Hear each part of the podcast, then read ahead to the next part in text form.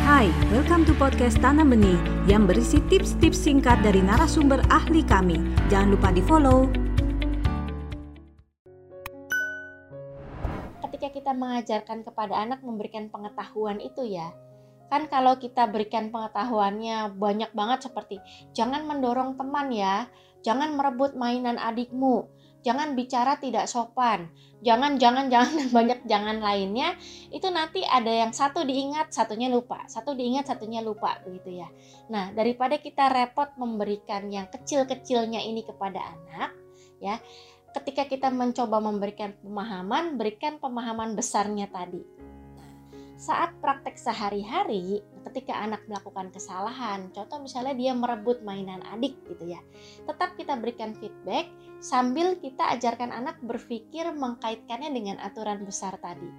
Contoh ketika dia merebut mainan adik kita tanya kira-kira kalau kamu merebut mainan adik kamu melanggar tiga aturan tadi enggak apakah kamu menyakiti dirimu sendiri? Oh tidak.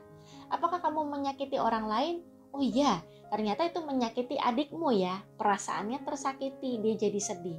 Berarti itu adalah perbuatan yang menyalahi aturan sosial. Jadi eh, dengan begitu nanti anak ke depannya tanpa ada orang tua pun dia nanti bisa menganalisa perilakunya sendiri apakah perilakunya ini tepat secara sosial atau tidak. Dengan cara apa? Dengan cara dia mikir oh perilakuku tadi menyakiti orang lain nggak ya? Menyakiti aku sendiri nggak ya melanggar aturan nggak ya? Jadi dengan begitu nanti ke depannya anak jadi bisa lebih mandiri dalam menilai perilaku sosialnya dia. Anda baru saja mendengarkan tips dari Tanam Benih Foundation. Mari bersama-sama kita terus belajar untuk menjadi orang tua yang lebih baik demi generasi yang lebih baik. Jangan lupa follow podcast kami.